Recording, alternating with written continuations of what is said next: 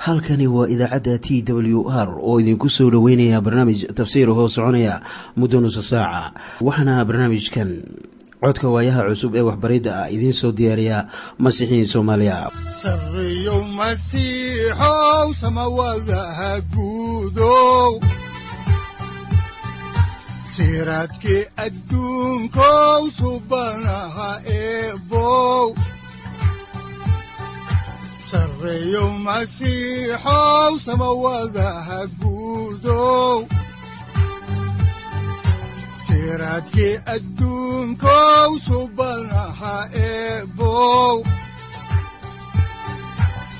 adigoo samada jiro ifkaan soo saldhiganba adigoo samada jiro ifkaan soo saldhiganba kutubtiisanaye udnogu saaciiday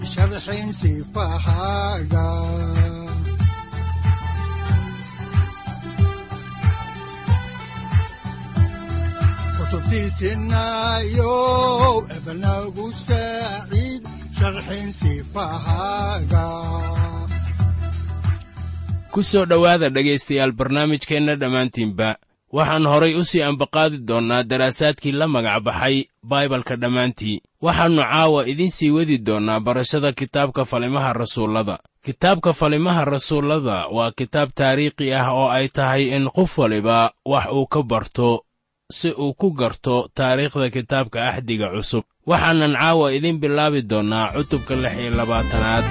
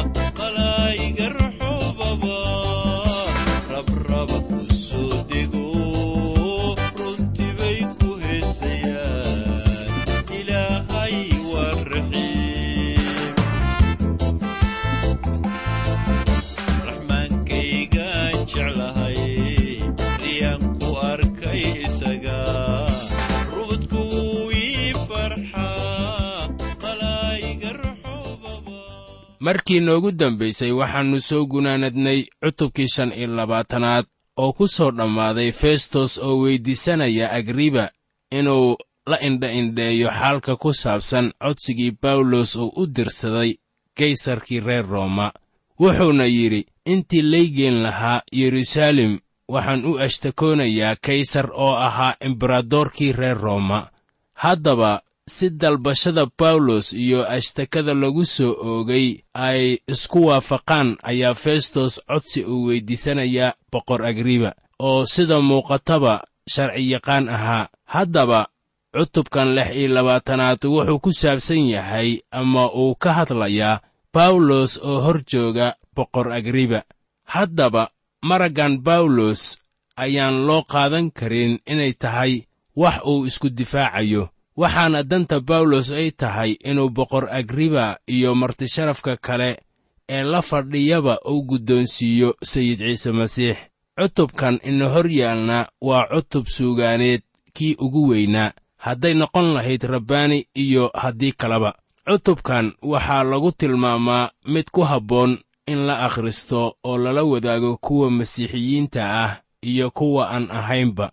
Waayo waxtar buu u leeyahay waxaa haddaba aan ku bilaabaynaa maaddada u horraysa ee ah bawlos oo ciise masiix ugu markhaati furaya boqor agriba hortiisa.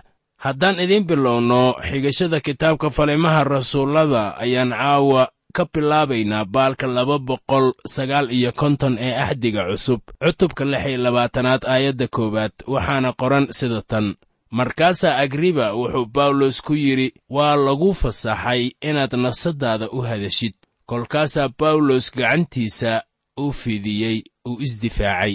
Haddaba markii bawlos la hor keenay boqor agriba ayaan anigu rumaysanahay inay taas u ahayd isaga inuu gaaray meeshii ugu sarraysay ee howshiisa rasuulnimada.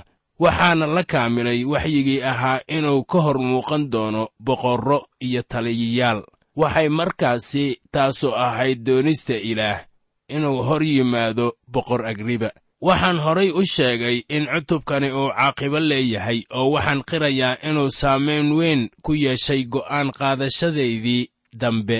Markii aan baranayay kitaabka iyo qaabka wacdiska injiilka waxaa markaasi jira qoraallo badan oo laga qoray cutubkan oo ay tahay inaynan ismoogaysiinin. Ka hor intaynan gelin farriintii bawlos uu u jeedinayey boqor agriba marka ugu horraysa waxaan doonayaa inaan idin caddeeyo in bawlos aannu maxkamad saarnayn halkan ma ahayn maxkamad. Bawlosna iskuma hor difaacayo laakiin waxay ahayd dhegaysi la dhegaysanayo waxa uu kaga jawaabayo eedda loo haysto. Welibana wuu wacdinayaa marka uu u fasirayo eedda loo haysto. Markaan eegno xaqiiqada ah in bawlos uu cabasho u dirsaday ama dacwadiisa uu hor dhigay kaysar ma ahan agribe'e ayaa xukun u keeni karta. Wuxuu haatan ka hoos baxay gacantii festos sida agriba uu ku qirayo aayadda ugu dambaysa ee cutubkan. Markaasoo uu festos ku lahaa ninkan waa la sii deen kari lahaa haddii uusan kaysar u ashtakoon. Markaana iyagu ma lahayn awood ay ku xukumaan oo welibana ma ayan sii dayn karin. Arrinku markuu halkan joogo ayaanay iyaga waxba ka qaban karin xaaladda bawlos oo siima dayn karaan. Markaana dhegaysiga dacwadiisa la dhegaysanayo ayaannu bawlos ku raadinaynin daafacaad. Balse wuxuu isku taxallujinayaa sidii dadkaasi hor fadhiya ay ugu imaan lahaayeen masiixa. Haddaba dacwad la qaadayo ma leh laakiin waxay ahayd in bawlos la hor keeno boqorka iyo maxkamadda. Si bal ay u baaraan kiiskiisa ama dacwadiisa iyagoo wax ka ogaanaya rasuulkan oo uu ugu macneeyo waxa dariiqadda ama jidka isagu uu hoggaaminayo xaqiiqa ahaan ay ka macno tahay. Soo arki maysid in qof waliba uu ka welwelsanaa ama uu ka hadlayay waxyaabaha ku saabsan dariiqadda ama jidka nasraaniyiinta. Waxaana muuqanaya in dad badani ay maqleen dariiqaddan oo ay isweydinayeen waxay ahayd. Waxaan markaasi qiyaasayaa in festos iyo agribaba ay iyaguba maqleen dariiqaddan oo haatan ay doonayaan inay baaraan. Agriba iyo festos ayaa laga yaabaa inay ka hadleen ama ay la yaabanaayeen waxa dariiqaddaasu ay ahayd. Waxaanay go'aansadeen inay kuwa aqoonta u leh wax ka weyddiiyaan. Markaasay isugu yeedheen dhegaysigan lagu waraysanayo bawlos si bal uu warbixin uga siiyo dariiqaddan cusub. Waxaan u malaynayaa in bawlos uu helay fursaddii ugu weyneed ee ah inuu masiixa ka hor wacdiyo madaxdan reer kaysariya iyo boqor agribaba waxay ahayd fursad aan wax lala simaa jirin. Waxaa isku soo baxay dad sharaf leh oo hodan ah. Waxaa halkaasi lala yimid nin waliba wixii uu lahaa ee uu ku shirtagi lahaa hadday noqon lahayd lebiska ama dharxerashada xarrago iyo weliba iyadoo hablihiina ay hilqado dahab ahi soo xidhanayaan taasoo ay caan ku ahaayeen dadka reer rooma. Waxaan filayaa in qof waliba aannu hawaysanaynin inuu dhegaysigan ka soo qayb galo. Waxaase isugu yimid oo keliya dad sare hadday noqon lahayd xikmad ilbaxnimo iyo gobonnimoba kuwii dadka u sarreeyey waxba lalama harin. Si dhegaysigan looga dhigo mid mudnaan iyo xusuusba ku reeba dadka lagu casumay waxaad mar kale eegtaa wixii ditor lukos uu ka qoray xaalkan markaasoo uu lahaa sida ku qoran falimaha rasuullada cutubka shan iyo labaatanaad aayadda saddex iyo labaatanaad. Sidaas daraaddeed maalintii dambe ayaa agriba iyo barnike waxay la yimaadeen bandhig weyn oo waxay soo galeen maxkamaddii. Iyaga iyo nimankii sare iyo raggii magaalada ugu waaweynaa. Markaasaa festos wuxuu amray in bawlos loo keeno. Haddaba markaan eegno qoraalkaasi ayaan garanaynaa inay dareenka dadka dhaqaajinayaan. Waxaan ku kalsoonahay inaan cabbiri karno dadkan layna hor keenay marka bawlos khudbadiisa aynu dhegaysanayno haddaba dadka isa soo urursaday hal ujeeddo un bay leeyihiin. Waxaana weeye inay maqlaan waxa maxbuuskan magaca leh ee loo yaqaanno bawlos oo kaga sheegi doono dariiqadda uu hormoodku u yahay. Sida lagu eedeeyey wuxuu u soo booqday horay dalal badan oo xukunka reer rooma ku hoos jira waana qaybaha bari ee dhulkii boqortooyada reer rooma ay ka talinayeen isagoo dadka ku wacdinaya jidka ama masiixinimada. Markii iriddii maxkamadda la furay ayaa maxbuus silsillada ku xidhan la soo geliyey oo la hor keenay dadkii sharafta lahaa hortooda. Wuxuu ku xidhnaa laba ilaaliye ama askari. Markii maxkamadda la soo gelinayey. Markii kor laga eego ayaannu lahayn muuqaal la jeclaysan karo. Markaana waa ninkankii dadka barayey oo ku wacdinayey dhimashadii aaskii iyo sarakiciddii masiixa. Waayo dadku waa dembiilayaal u baahan badbaadiye. Ninkanuna waa kan keliya ee kala hadli karay dadka oo dhan xaalka ku saabsan tubta masiixa isagoo xukun iyo amar ku hadlaya dadkuna way maqlayaan waayo wuxuu garanayaa sida loola hadlo oo waa nin xikmad leh.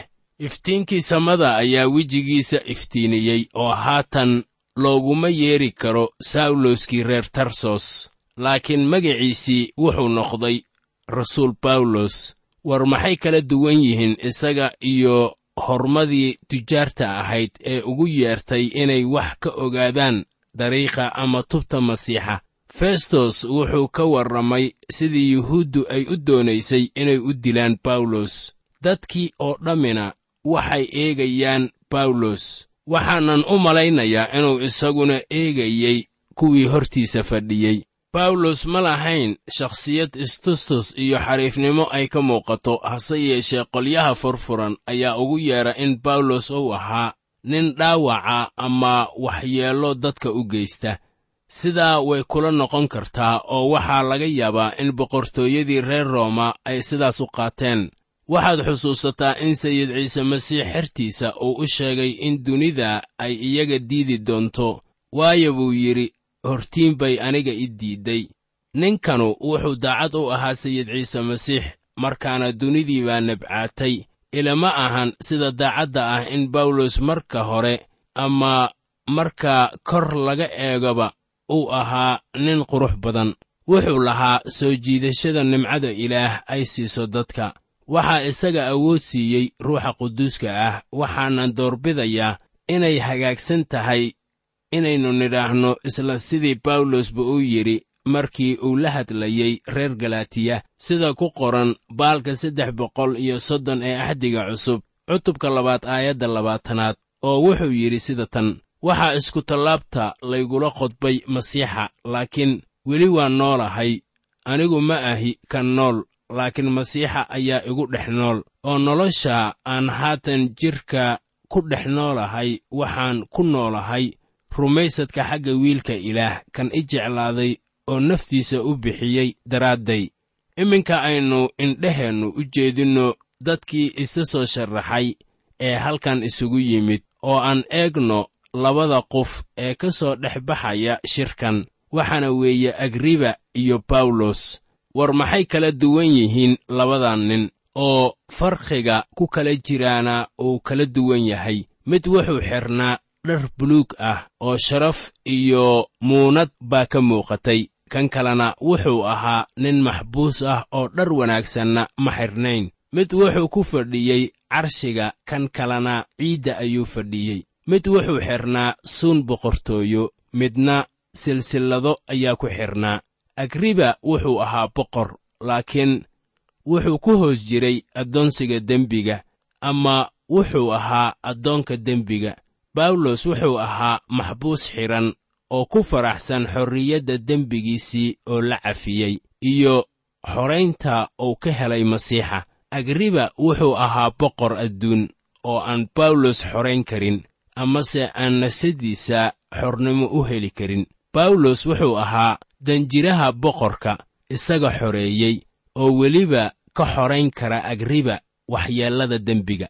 Waa inaan markaasi xusuusanno in boqor agriba uu ka mid ahaa qoyskii herodos wuxuu xubin ka ahaa qoyskii ugu wuxuushsanaa ee abid dunida yimaada waana qoyska ugu wuxuushsanaa inta ku qoran kitaabka baibalka markii aynu boqor aaxaab iyo boqorraddiisii jezebel lala barbardhigo qoyskan ayaa arxandarrada waxaa ku horraynaya reerka herodos haddaan markaasi ka hadalno wixii ay ku wanaagsanaayeen reerka herodos ayaa waxaa muuqanaya inay ahaayeen niman xikmad ilaah uu ku mannaystay. Agribana wuxuu ahaa nin xikmad leh oo nin sharaf leh ahaa dhan walibo laga eego iyadoo weliba taariikh nololeedka reerkiisu aysan wanaagsanayn.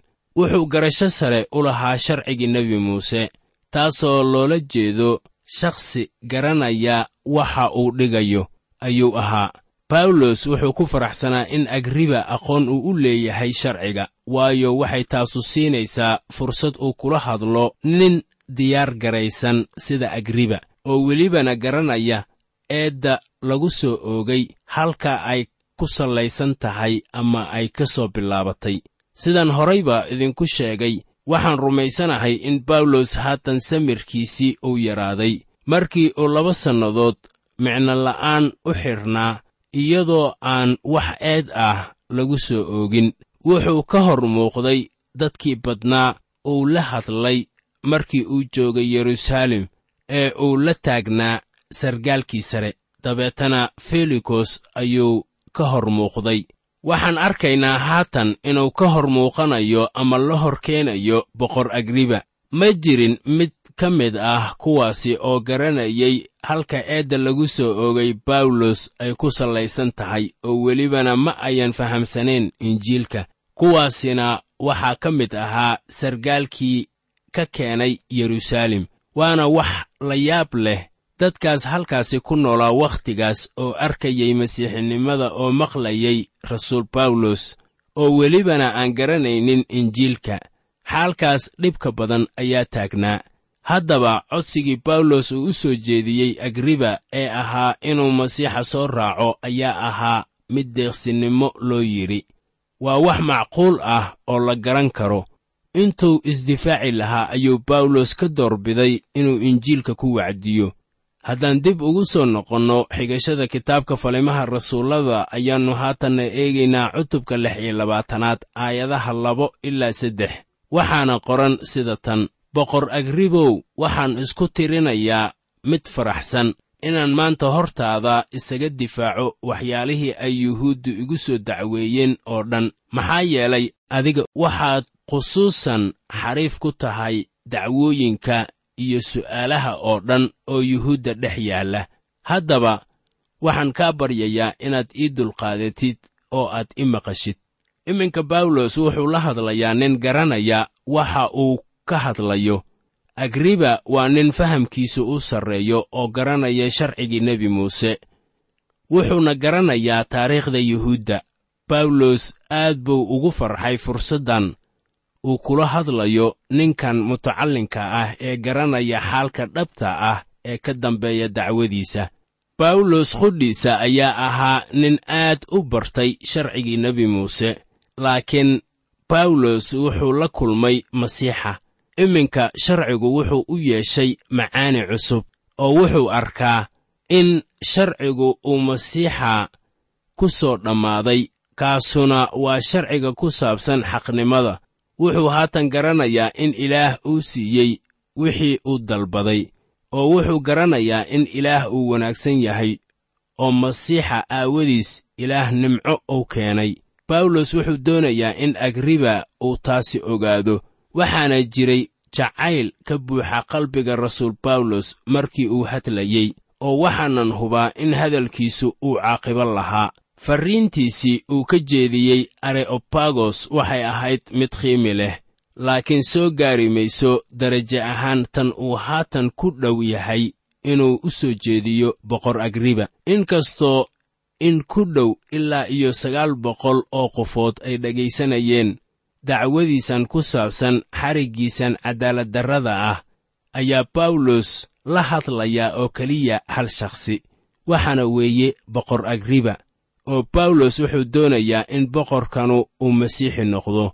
Wuxuu bawlos khudbadiisa ku bilaabayaa hadal taxaddar uu ka muuqdo. Isagoo leh waan ku faraxsanahay inaan helo fursaddan aan hortaada isku difaacayo. Dabeetana boqor agriba ayuu u dulmarayaa wakhtigii dhallinyaronimadiisa wuxuuna u sheegayaa wax ku saabsan hanuunkiisii ugu dambayntiina. Wuxuu isku taxallujinayaa inuu ninkan u keeno masiixa. Dhegaystow iminka waxaan doonayaa inaan ku weyddiiyo inaad akhriso farriintan ama khudbadan oo dhan iyadoo aan tarjumo dhexda laga soo gelin. Waxaanan khudbada ku bilaabaynaa innagoo gadaal u noqonaynaa cutubka lix iyo labaatanaad aayadaha labo ilaa saddex iyo labaatan. Waxaana qoran sida tan. Boqor agribow waxaan isku tirinayaa mid faraxsan inaan maanta hortaada isaga difaaco waxyaalihii ay yuhuuddu igu soo dacweeyeen oo dhan. Maxaa yeelay adigu waxaad khusuusan xariif ku tahay caadooyinka iyo su'aalaha oo dhan oo yuhuudda dhex yaalla. Haddaba waxaan kaa baryayaa inaad ii dulqaadatid oo aad ii maqashid. Yuhuudda dhammaantoodba tan iyo yaraantaydii way wada yaqaaneen camalka noloshayda taasoo bilowga aan kula dhex jiray quruntayda oo aan yeruusaalem la joogay. Haddii ay raalli ku yihiin inay ii marag furaan iyaguba tan iyo horraantii aqoon bay u lahaayeen. Sidii aan ugu dhaqmi jiray dariiqadda diintayda ugu qiiro adag anoo farrisi ah. Haddaba waxaan haatan halkan u taaganahay in la ii xukumo rajadii ballankii ilaah uu u qaaday awowayaashayo oo laba iyo tobankayaga qabiilba waxay ilaah aad ugu adeegaan habeen iyo maalinba iyagoo rajaynaya in ay ballankaasi helaan. Haddaba boqorow yuhuuddu waxay igu ashtakeeyeen wax rajadaasi ku saabsan.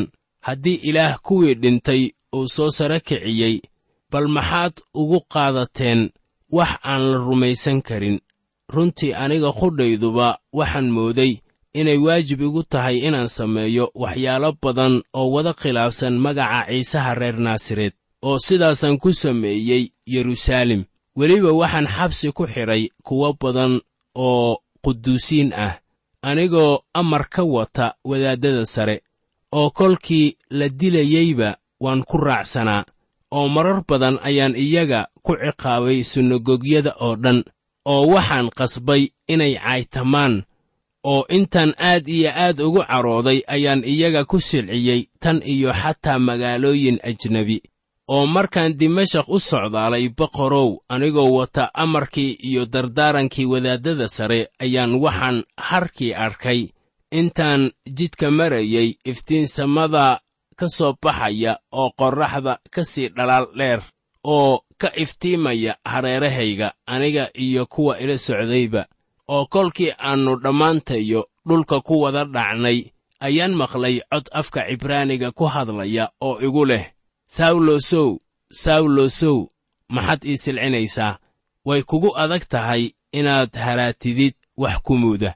Markaasaan idhi yaa tahay sayidkow kolkaasaa rabbigu wuxuu igu yidhi waxaan ahay ciisaha aad silcinaysid laakiin bal sare joogso oo cagahaaga ku istaag waayo sababtan aawadeed ayaan kugu muuqday inaan kaaga dhigo mididiin iyo markhaati waxyaalihii aad igu aragtay iyo waxyaalaha aan kugu muuqan doonaba.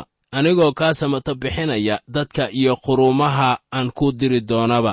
Inaad indhahooda furtid si ay gudcurka uga soo jeestaan oo ay iftiinka ugu soo jeestaan iyo inay ka soo leexdaan xoogga shayddaanka oo ay ilaah u yimaadaan inay helaan dembidhaaf oo ay dhaxal la helaan kuwa quduus lagaga dhigay rumaysadka ay igu leeyihiin.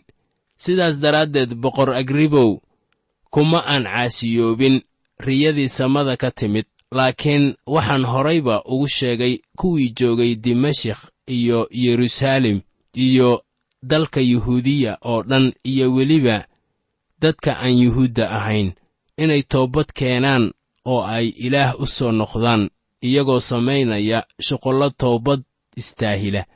Waxyaalahaasi aawadood baa yuhuuddu macbudka gudihiisa ay iigu qabteen oo waxay isku dayeen inay i dilaan. Haddaba anigoo caawimaad ka helay xag ilaah ayaan waxaan ilaa maanta u taaganahay inaan marag furo oo aan u sheego yar iyo weynba anigoo aan innaba wax kale sheegayn wixii nebiyadii iyo muuse ay sii sheegeen inay ahaan doonaan mooyaane taasoo ah in masiixu uu xanuunsan doono. Iyo sida isagoo ah kii koowaad oo kuwii dhintay ka soo sare kacay uu iftiin ugu naadin doono dadka iyo qurumahaba. Kadib markii bawlos sharaxaad uu ka bixiyey noloshiisii iyo taariikhdiisii waxbarasho ayuu wax uga sheegay noloshiisii farrisinimo iyo sidii uu waddada dimashakh aadda ugula kulmay masiixii uu silcinayey wuxuuna yidhi waxay ila ahayd inaan sameeyey waxyaabo badan oo magacaasi lagula dagaalamayo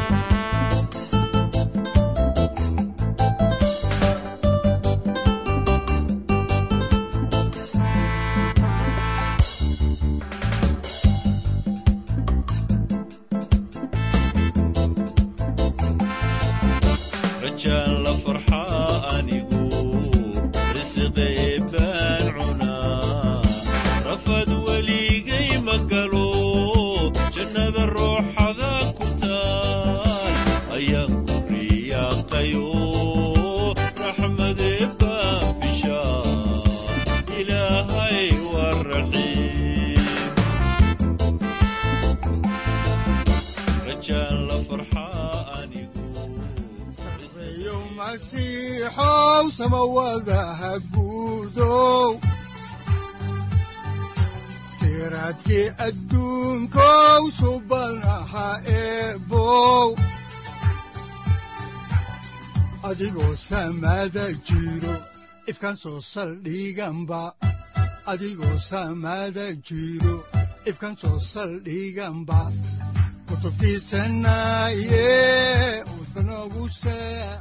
halkani waa t w r idaacadda t w r oo idinku leh ilaa ha idin barakeeyo oo ha idinku anfaco wixii aad caawi ka maqasheen barnaamijka. Waxaa barnaamijkan oo kalaa aad ka maqli doontaan habeen dambe.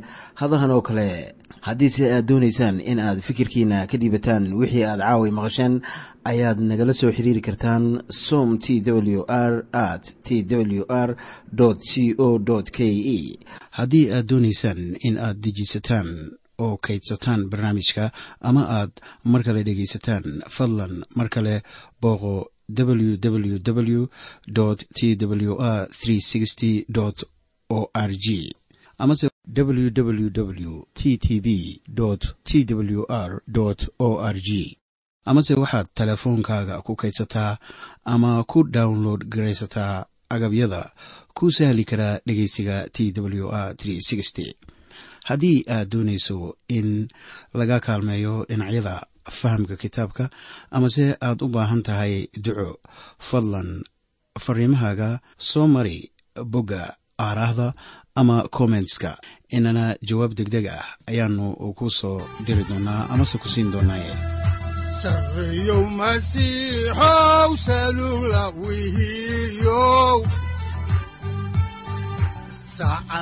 timid dhulka sabada ku dhalatiyo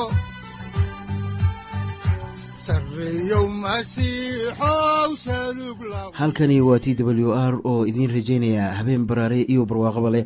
Inta aynu ka gaari doono wakhti aynu ku kulanno barnaamij la mida kan caawayay aad maqasheen. Waxa aan idinku leeyahay nabadda ciise masiix ha idinku badato xagga jidhka iyo ruuxaba. Aamiin